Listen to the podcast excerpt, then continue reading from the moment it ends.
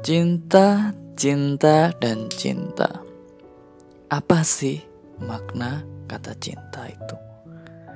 Begitu kuat sekali pengaruhnya. Apa yang membuatnya itu istimewa?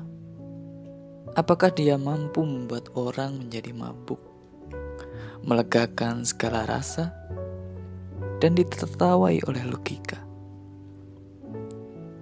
Oh, cinta kamu bisa dianggap remeh.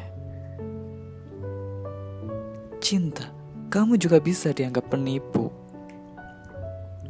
Kamu yang katanya indah, mengapa kau menipuku? Apakah kadarmu terlalu banyak sehingga cinta yang diharapkan justru kau merubah orang menjadi benci? Terus siapa yang harus disalahkan? aku benci ataukah cinta?